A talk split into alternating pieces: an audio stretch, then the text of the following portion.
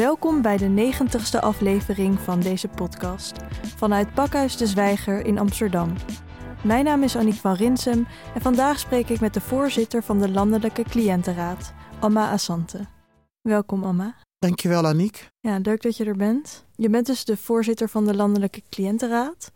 Wat is de Landelijke Cliëntenraad eigenlijk? Uh, de Landelijke Cliëntenraad is een, uh, een wettelijk orgaan, ingesteld bij de SUVI-wet, met de opdracht om te zorgen voor de collectieve belangenbehartiging van alle Nederlanders die uh, een vorm van een uitkering of een sociale voorziening ontvangen in het kader van werk en inkomen. Dus het hele terrein van sociale zekerheid. En dat, weet je, dat, dat ja, denk dan bijvoorbeeld aan nabestaande pensioen, maar denk ook aan de WW, werkloosheidsuitkering, als je werkloos bent. Uh, denk aan uh, de wet voor de jong gehandicapten, de WAJONG, uh, de VIA. Eigenlijk nou ja, alle type uitkeringen en voorzieningen die Nederlanders nodig hebben in het leven. Van, eigenlijk van wieg tot graf. Bij de uitvoering daarvan kijken we mee of het gaat nou ja, op een manier dat cliënten daar geen last van hebben. En cliënten, dat klinkt een beetje raar, maar dat zijn gewoon mensen die die voorziening ontvangen of uitkering ontvangen. Dus we kijken mee uh, en we adviseren ook eh, UWV bijvoorbeeld. Dat is een belangrijke uitvoeringsorganisatie op het gebied van sociale zekerheid. Maar denk ook bijvoorbeeld aan de Sociale Verzekeringsbank, die weer uh, de kinderbijslag uitkeert, een nabestaande pensioen, et cetera. Zijn er eigenlijk mensen in Nederland die nooit cliënt zijn? Uh, dat is een hele goeie. Ik kan het met. Nee, de, ja, nou ja, het zou kunnen. Nee, nee, want iedereen gaat wel met pensioen en iedereen krijgt een AOW. Dus nee. Dus eigenlijk representeren jullie heel Nederland? Heel Nederland, die dan op een bepaald moment in zijn of haar leven, alle burgers, een uitkering of een voorziening nodig hebben. Ja, en dat gaat in totaal om ongeveer 7 miljoen uh, uitkeringen. En daar zitten natuurlijk dubbelingen in. Hè? Dus ik kan niet zeggen dat we 7 miljoen Nederlanders vertegenwoordigen op dit moment. Want sommige mensen krijgen kinderbijslag, ze krijgen uh, misschien wel een uitkering in, in, in het kader van de WW. Dus er zitten ook dubbelingen tussen. Maar wij, onze schatting is ongeveer tussen de 3 à 4, 4 miljoen Nederlanders op dit moment die wij uh, vertegenwoordigen. Zo, dat is een hele hoop. Ja, naast de uitvoeringsinstanties, hè, waar, waarbij wij eigenlijk over de schouders meekijken uh, of ze het goed doen uh, volgens de behoeften van de cliënt, kijken we ook mee bij de wetgever.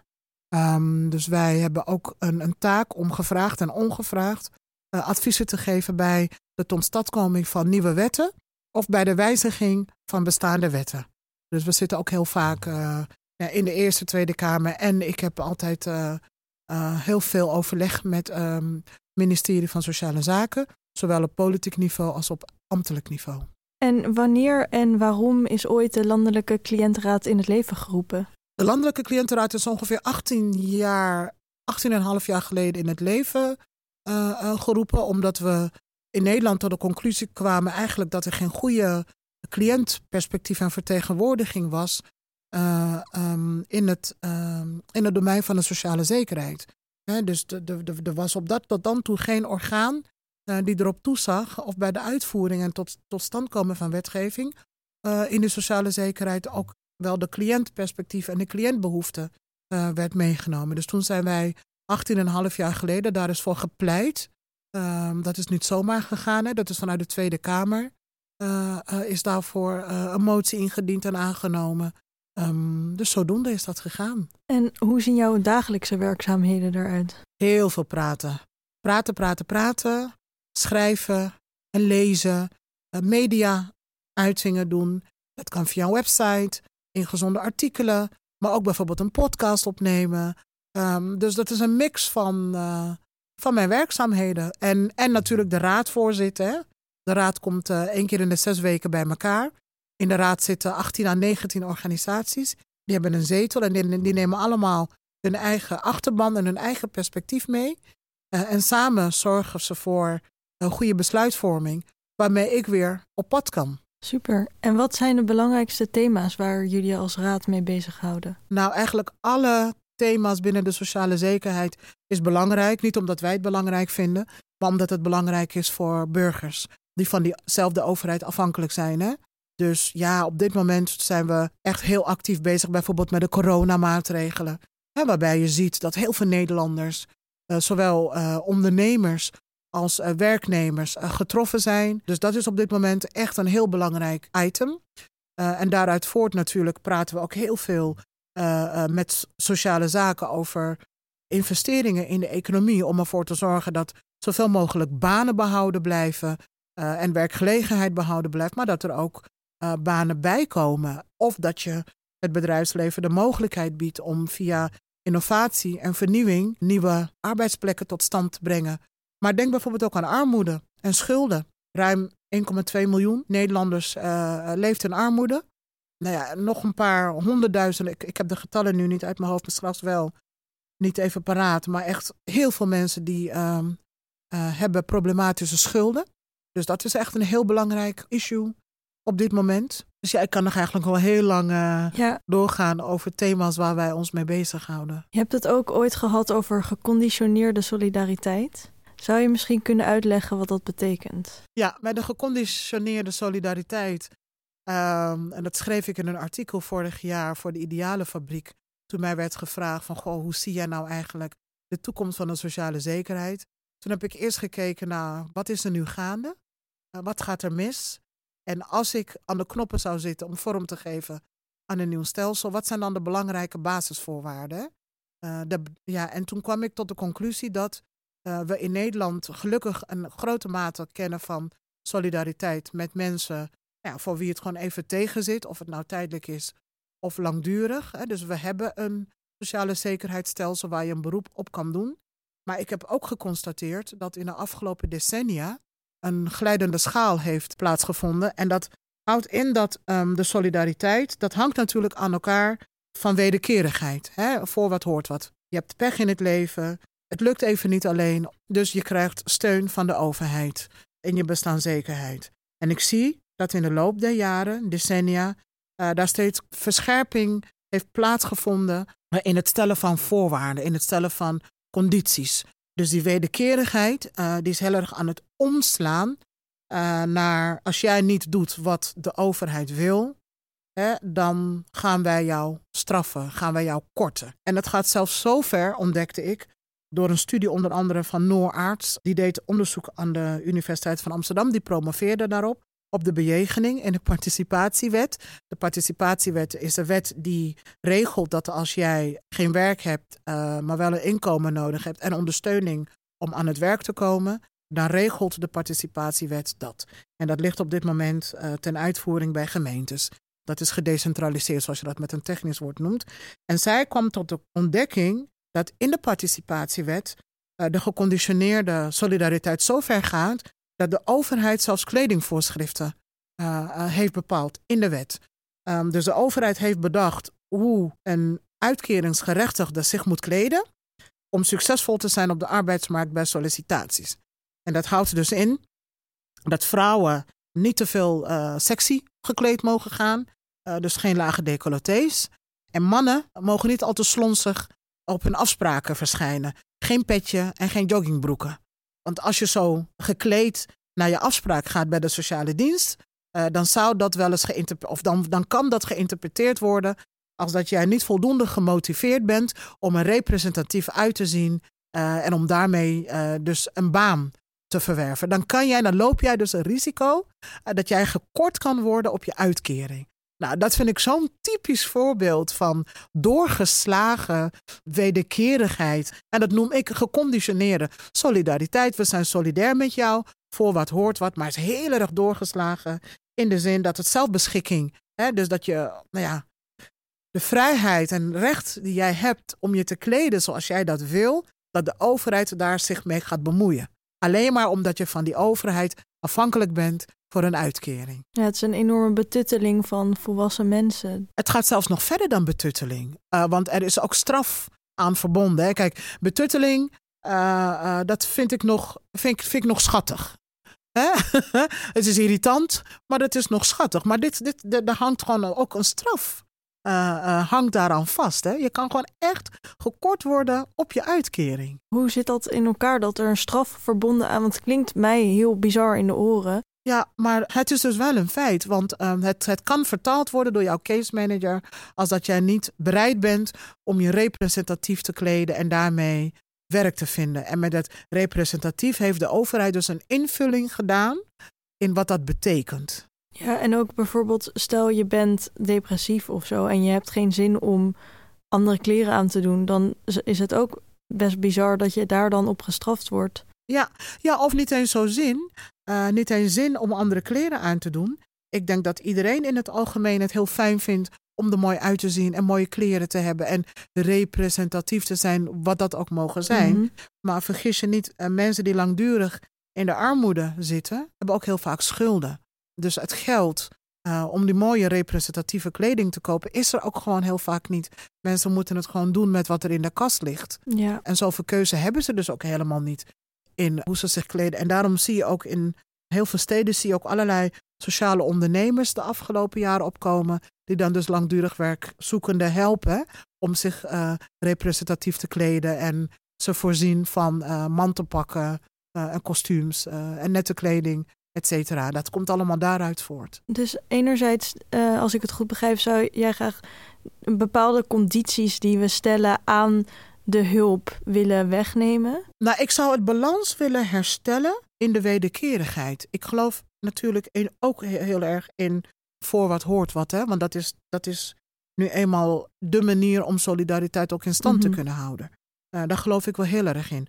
Alleen, ik zie dat de afgelopen jaren, decennia, maar vooral afgelopen tien jaar, de eigen verantwoordelijkheid en de zelfredzaamheid, dat dat heel erg bij de, bij de schouders, op de schouders uh, van de burger rust, terwijl de overheid aan de andere kant uh, zo min mogelijk doet. En met zo min mogelijk doet wil ik bijvoorbeeld een ander voorbeeld naar voren halen. En dat houdt onder andere in dat uh, vroeger, als je werkloos was en je zocht een baan en je had daarbij hulp nodig van de overheid, dan was er gewoon geld, hè, er waren de middelen om jou te helpen te integreren, te reïntegreren.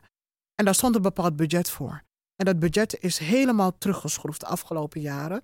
Met andere woorden, je moet het eigenlijk veel meer nog uh, vanuit jezelf doen. En dat, dat, dat past ook heel erg bij die participatiesamenleving. Hè? Uh, wat ook door uh, kabinet Rutte in het leven is geroepen. Hè? En dat komt er in mijn ogen eigenlijk op neer van Zoek het zelf maar uit. En als je hulp nodig hebt, klop het liefst niet bij de overheid aan, maar bij je familie, vrienden en bij je buren. En kijk daar maar of je geholpen kan worden. Dus je moet als burger die eigenlijk hulp nodig heeft uh, om aan werk te komen of een inkomen, um, waarmee je kan voorzien in je bestaanszekerheid, wordt heel veel van je gevraagd. Uh, maar tegelijkertijd doet de overheid zelf niet zoveel meer. En dat noem ik dus een doorgeslagen balans in de wederkerigheid. Hoe zie jij die wederkerigheid voor je op een gezonde manier of op een meer productieve manier? Ja, nou, het begint erbij eigenlijk met, met je maatschappijbeeld. Hè? Uh, hoe kijk je naar mensen? Uh, hoe kijk je naar de samenleving? En op dit moment wordt er naar mensen gekeken als eigenlijk als op het moment dat jij bij de overheid aanklopt voor steun of voor hulp of voor begeleiding of voor zorg, word je al met een bepaalde mate van wantrouwen tegenmoet getreden. En wordt er eigenlijk indirect tegen je gezegd: ja, dat jij niet mee kan komen, dat het niet lukt, dat je arm bent. Ja, dat heb je eigenlijk een beetje aan jezelf te danken. He, je doet niet hard genoeg je best. Je werkt niet hard genoeg. Je kleedt je niet netjes genoeg. Uh, je hebt nog niet genoeg hulp gevraagd aan je buren hè, en aan je vrienden en je familieleden. Kortom, dat, dat vingertje naar de burger die het eigenlijk in de ogen van de overheid zelf nooit goed genoeg doet. En ik zou willen dat we dat maatschappijbeeld, als dat mensen eigenlijk zelf schuldig zijn aan het feit ja, dat het gewoon even niet goed gaat met ze. Ik zou graag willen dat we veel meer rekening houden met het natuurlijke verloop van het leven. Het leven loopt nu niet eenmaal altijd over, hè, uh, over rozen. Het gaat wel eens mis. En de ene burger heeft gewoon net iets meer veerkracht of iets meer geld of een net iets groter netwerk om er zelf bovenop te komen zonder die overheid. Maar er zijn ook een heleboel burgers die dat niet hebben, die dat niet kunnen. Dus ik zou willen dat eigenlijk dat eigen schuld, dikke beeld, mentaliteit en cultuur, dat dat zich wijzigt tot een overheid die op een volwassen manier, liefdevol, uh, respectvol met burgers omgaat En met wie het gewoon even niet zo goed gaat. Dus dat de overheid zegt: wat heb je nodig om er weer bovenop te komen? Niet om je te betuttelen, maar wat heb je nodig om er bovenop te komen? We gaan samen kijken hoe we dat voor elkaar kunnen krijgen. Het klinkt misschien heel romantisch, maar volgens mij begint het echt bij dat mensbeeld die we hebben voor mensen met pech in het leven, die leed tegenkomen in het leven en er zelf er niet uitkomen en daarbij die overheid nodig hebben. Ja, het is waarschijnlijk ook voor mensen die niet veel pech hebben, soms moeilijk voor te stellen ja. hoe dat echt is om zelf in die situatie te zitten. Klopt, klopt. Ik zie ook, ik maak steeds vaker mee dat als ik mensen vertel over bijvoorbeeld armoede of over de schuldenproblematiek, dat mensen heel verbaasd zijn. Het is voor een heleboel mensen, gelukkig, godzijdank, uh, is het onbekend en een ver van mijn bedshow. En die redden zich. Maar er zijn ook een heleboel mensen die dat niet redden. Ja, er zijn in Nederland ook heel veel regels. En er zijn veel regels ook die mensen meer in de weg zitten dan dat ze mensen op weg helpen. Ja. Heb je daar een voorbeeld van? Ja, dat is natuurlijk het hele toeslagenstelsel. Hè? Uh, dat is eigenlijk een doekje voor het bloeden. Want het toeslagenstelsel is eigenlijk een erkenning dat het minimumloon in Nederland niet voor iedereen weggelegd is. dus dat niet iedereen in staat is om het minimumloon te verdienen en dat de overheid daarbij dus moet helpen. Dus de overheid helpt daarmee op het gebied van zorg. Uh, zorgpremies zijn veel te hoog, eigen risico, kinderopvang. Hè, als je twee jonge kinderen hebt uh, onder de vier jaar en ze moeten naar de opvang en je brengt ze vier dagen naar de opvang, dan kost het al heel vaak, nou echt duizenden euro's kan dat wel eens gaan kosten. De huurtoeslag, hè, dus uh, stijgende huren tegenover een overheid die onvoldoende bouwt. Dus op al die levensgebieden zie je dat de overheid erkent dat er hulp van de overheid nodig is. En wat is er dan gebeurd? Vervolgens is er een heel complex stelsel opgetuigd op basis van uh, we geven je wel die hulp en die steun, maar oh wee als je een foutje maakt. Oh wee als er iets fout gaat. Hè? Uh, met, met eigenlijk het idee dat die burger die afhankelijk is van die overheid, stiekem ergens erop uit is om een loopje te nemen met die overheid. Hè? En om, een, om, om misbruik te maken hè, van de, de, de goedheid van de, de belastingbetaler. Dus er staan hele uh, harde sancties op het maken van een fout. Op te laat aanleveren van informaties. Bijvoorbeeld dat je ergens een verkeerd kruisje zet. Of dat je überhaupt geen kruisje zet. Um, en dat zorgt ervoor dat heel veel Nederlanders die van die overheid, van al die toeslagen afhankelijk zijn, uh, in de val zijn terechtgekomen. Dat is één ding van de toeslagen. Wat kenmerkend ook is voor het toeslagenstelsel, is de enorme complexiteit. Stel je voor, je bent een zelfstandige zonder personeel. Nou, een kenmerk daarvan is dat het soms heel goed met je gaat en dat je echt omkomt in de opdrachten. dus de ene jaar heb je heel veel werk. Maar het gebeurt ook dat je in het andere jaar vervolgens helemaal niks verdient. Of althans veel minder dan het jaar daarvoor. Wat er dan gebeurt is dat de Belastingdienst van jou dus verwacht dat je op dit moment kan uh, voorspellen wat je volgend jaar uh, gaat verdienen. En dat je dat dan doorgeeft. En ze baseren dan de toeslagen die jij dan krijgt, baseren ze dan eigenlijk op de gegevens die je op dit moment doorgeeft. Maar stel nou dat het nu heel goed met je gaat en volgend jaar minder, dan gaat de overheid dan vervolgens dus achteraf, gaan ze dan dus terugvragen wat jij dit jaar hebt gekregen op basis van de opdrachten die je dit had. Dit jaar had. En dat zorgt er dus ook voor dat heel veel mensen in schulden raken. En dus dat hele stelsel uh, is zo complex en zorgt er eigenlijk voor dat burgers die afhankelijk zijn, uh, ja, in een hele vervelende uh, situatie gebracht worden door diezelfde overheid. Ja, maar ik, dit klinkt zo logisch dat ik het idee heb dat elke bestuurder wel zou moeten kunnen bedenken dat dit, dat dit soort situaties dan ja, ontstaan. Ja, het is, het, is, het is ook te bizar voor woorden. Want uh, politici, ministers, staatssecretarissen uh, praten er al jaren over. Over het toeslagenstelsel. We hebben met z'n allen al jarenlang geleden erkend dat dit, weet je, dit, dit werkt niet. Er moet iets anders voor in de plaats komen. En we praten nog steeds over de veranderingen die moeten plaatsvinden. Er is nog niks gebeurd. En ieder kabinet schuift het voor zich uit. In samenwerking met Pakhuis de Zwijger maakte de Landelijke Cliëntenraad de reeks De Nieuwe Solidariteit. Um, wat betekent het woord solidariteit nog in onze moderne maatschappij? Ja, dat is een hele goeie. Um, nou, wat ik net al in het begin zei, hè, dat uh, de solidariteit anno 2020 in mijn ogen uit balans is en te veel de druk wordt gelegd op die, op die burger die afhankelijk is van de overheid, van een fatsoenlijk uh, uh, inkomen en bestaanszekerheid. Um, heel veel op, op, op, op onze schouders terecht te komen onder het mom van een participatiesamenleving, zelfredzaamheid, eigen verantwoordelijkheid. Dus ja, ik, in mijn ogen is die solidariteit echt flink uitgehold de afgelopen jaren.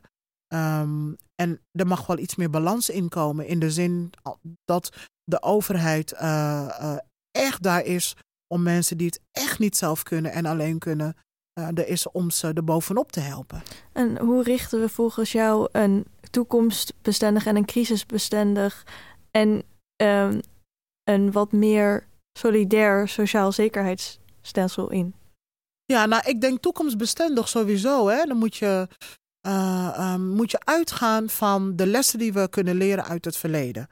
Um, en wat we kunnen leren uit het verleden is dat er nog steeds, dat klinkt ook zo afgezaagd, een enorm verschil is tussen uh, de wereld, echt de, weet je, de, de, de dagelijkse realiteit van die burger die uh, die overheid nodig heeft voor bestaanszekerheid. En um, de wereld van politici en bestuurders en uitvoeringsorganisaties die de wetten maken, die dat systeem bouwen, die beleid ontwikkelen, die regels maken. Dus als je mij vraagt, hoe ziet een toekomstbestendig sociale zekerheidsstelsel uit? Uh, dan zeg ik, het is uh, een absolute randvoorwaarde dat die belevingswereld van die burger, van die cliënt, direct eigenlijk op de werkvloer, op de beleidstafels, op de politieke tafels terechtkomt. Dat houdt bijvoorbeeld in dat je een organisatie als de Landelijke Cliëntenraad veel meer en dit klinkt een beetje als preken voor eigen parochie, maar we zijn er niet voor niets. Um, veel meer de bevoegdheden ook geeft om aan die ontwikkeltafels, aan die beleidstafels, aan die politieke tafels, de stem van burgers te doen weer klinken. Dat is één. Ten tweede, wat je ook zou moeten doen, en wat nu nog niet het geval is, is dat uitvoeringsorganisaties, bijvoorbeeld UWV of de Sociale Verzekeringsbank, die voeren hun eigen klanttevredenheidsonderzoeken uit. Interessant. Dat vind ik raar. Dat vind ik gewoon raar. Uh, je gaat toch ook niet uh, aan de bakker vragen of hij zijn eigen brood lekker vindt? Mm -hmm. Dat doe je niet. In mijn ogen zou je ervoor moeten zorgen dat alle uitvoeringsorganisaties hun klanttevredenheid uit huis plaatsen bij een onafhankelijk orgaan die dat onderzoekt, die dat toetst en die dat opschrijft. Want dan kan je ook veel, veel meer ervan uitgaan uh, dat het echt onafhankelijk is. En haal alsjeblieft in al die wetgevingen, of het nou de participatiewetgeving is, of de Wajong voor jong gehandicapten. Haal de inkomensregelingen omhoog. Want de inkomensregelingen op dit moment zijn soms zelfs onder het wettelijk minimumloon, onder het sociaal minimum. Dus er wordt van mensen verwacht, terwijl de overheid aan de ene kant boodschappen duurder maakt, de huren uh, omhoog uh, gooit via de huurdersverheffing. Dus het leven is heel veel duurder geworden door fiscale maatregelen van de overheid. En tegelijkertijd zegt de overheid dus tegen iemand, een jong gehandicapte, jij moet op eigen kracht op het sociaal minimum terecht kunnen komen. Ja, lukt het niet, dan mag je blij zijn dat de overheid je een uitkering geeft wat 70% ligt op dat wettelijk minimumloon. Dat is te bizar voor woorden. Wat verwacht je dan van mensen? Ja, en waarom is er dan ook een minimumloon vastgesteld als dat niet wordt gehanteerd? Nou, omdat men ervan uitgaat op dit moment, het politieke klimaat, hè, in het stelsel zitten prikkels. Prikkels, dat is, een, dat, dat is een woord wat heel veel voorkomt. De overheid vindt dat de burger geprikkeld moet worden. En dat is eigenlijk niet meer of minder als we laten je nog net niet omkomen van de armoede. Hè, maar als we dat doen, dan ga jij vanzelf harder lopen. Hè, dus uh, je, je gaat er bijvoorbeeld al van uit dat iemand niet bereid is om zijn of haar best te doen. Terwijl de werkelijkheid ziet er heel anders uit. Ik praat uh, dagelijks praat ik met mensen die langdurig werkloos zijn, uh, met jong gehandicapten. Mensen willen niks liever dan gewoon elke dag naar hun werk, uh, daar een fijn salaris mee verdienen en helemaal niet afhankelijk zijn van die overheid. Mensen willen niks liever dan een bijdrage leveren. Hè, waar ze trots op kunnen zijn. Waarop ze kunnen zeggen: Kijk, dit heb ik vandaag gepresteerd. Mensen willen collega's. Mensen willen er ook gewoon erbij horen. Dus er is niets lievers wat mensen willen dan gewoon op eigen kracht uh, hun eigen salaris verdienen. En wat zijn dan concrete dingen die jij er graag de komende vier jaar veranderd zou zien? Oeh, jeetje, op welk beleidsveld vraag ik? nou, ik, oké. Ik, heb, ik heb één concreet voorbeeld. De Belastingdienst. Die geeft toeslagen uh, aan mensen als een aanvulling op hun inkomen. En diezelfde Belastingdienst, die maakt zelf ook fouten. In de eerste plaats vind ik het al fout om tegen mensen te zeggen van nou, voorspel ons even volgend jaar hoe, hè, hoeveel jij gaat verdienen. En op basis daarvan geven we jou een bepaalde hoogte toeslagen. Ik vind op het moment dat je die vraag stelt aan een burger en een burger vult dat naar vertrouwen in, naar alle eerlijkheid en die krijgt een toeslag, dan vind ik het dus niet eerlijk dat je in het jaar daarop, waarop die burger uh, minder werk heeft en minder inkomen, dat je in dat jaar het te veel uh, gestorte toeslagen, dat je dat gaat terugeisen. Ik vind dan dat we in het nieuwe stelsel moeten hanteren als burgers eerlijk zijn, van goed vertrouwen zijn en ze geven correcte informatie door, dan moeten we de principe hanteren: eens gegeven, blijft gegeven. En als je dat niet wil, dan moet je dus achteraf moet je corrigeren, maar niet vooraf aan mensen vragen om door te geven wat ze denken volgend jaar te verdienen en op basis daarvan je toeslagen baseren. Dat is gewoon een heel concreet voorstel wat wij heel graag zouden willen zien. En is daar al uh, zicht op dat dat voorstel dat nee. dat? Uh... Nee, nee, daar is, daar, nee, daar is geen. Althans, niet onder het huidige politieke klimaat. Oké. Nee, daar is totaal geen zicht op. Nou, een ander concreet voorbeeld wat ik bijvoorbeeld uh, zou willen noemen, is dat een minimumloon. Het minimumloon op dit moment uh, is gewoon veel te laag. Uh, waar mensen niet van kunnen leven. En er is een actie gaande om vanuit de politiek, vanuit de Tweede Kamer, het minimumloon te verhogen naar 14 euro. Wat in mijn ogen de eerste stap is. we zijn er nog lang niet. Um, ik vind dat het minimumloon de komende jaren echt veel meer omhoog mag. Nou ja, ook daar is op dit moment geen politieke bereidheid toe. Ja, en wat kunnen we doen om die politieke bereidheid dan wel zover te krijgen. Ik zou tegen mensen die luisteren willen zeggen: lees alsjeblieft de verkiezingsprogramma's van alle politieke partijen. En kijk naar de partijen die verbetering beloven. En stem vooral verstandig. Stem met je hoofd en stem met je hart. En ook al gaat het jou niet aan, het gaat wel een heleboel Nederlanders aan. Uh, die van uh, uh, de welwillendheid van die overheid afhankelijk zijn om dagelijks warme maaltijd op tafel te kunnen zetten.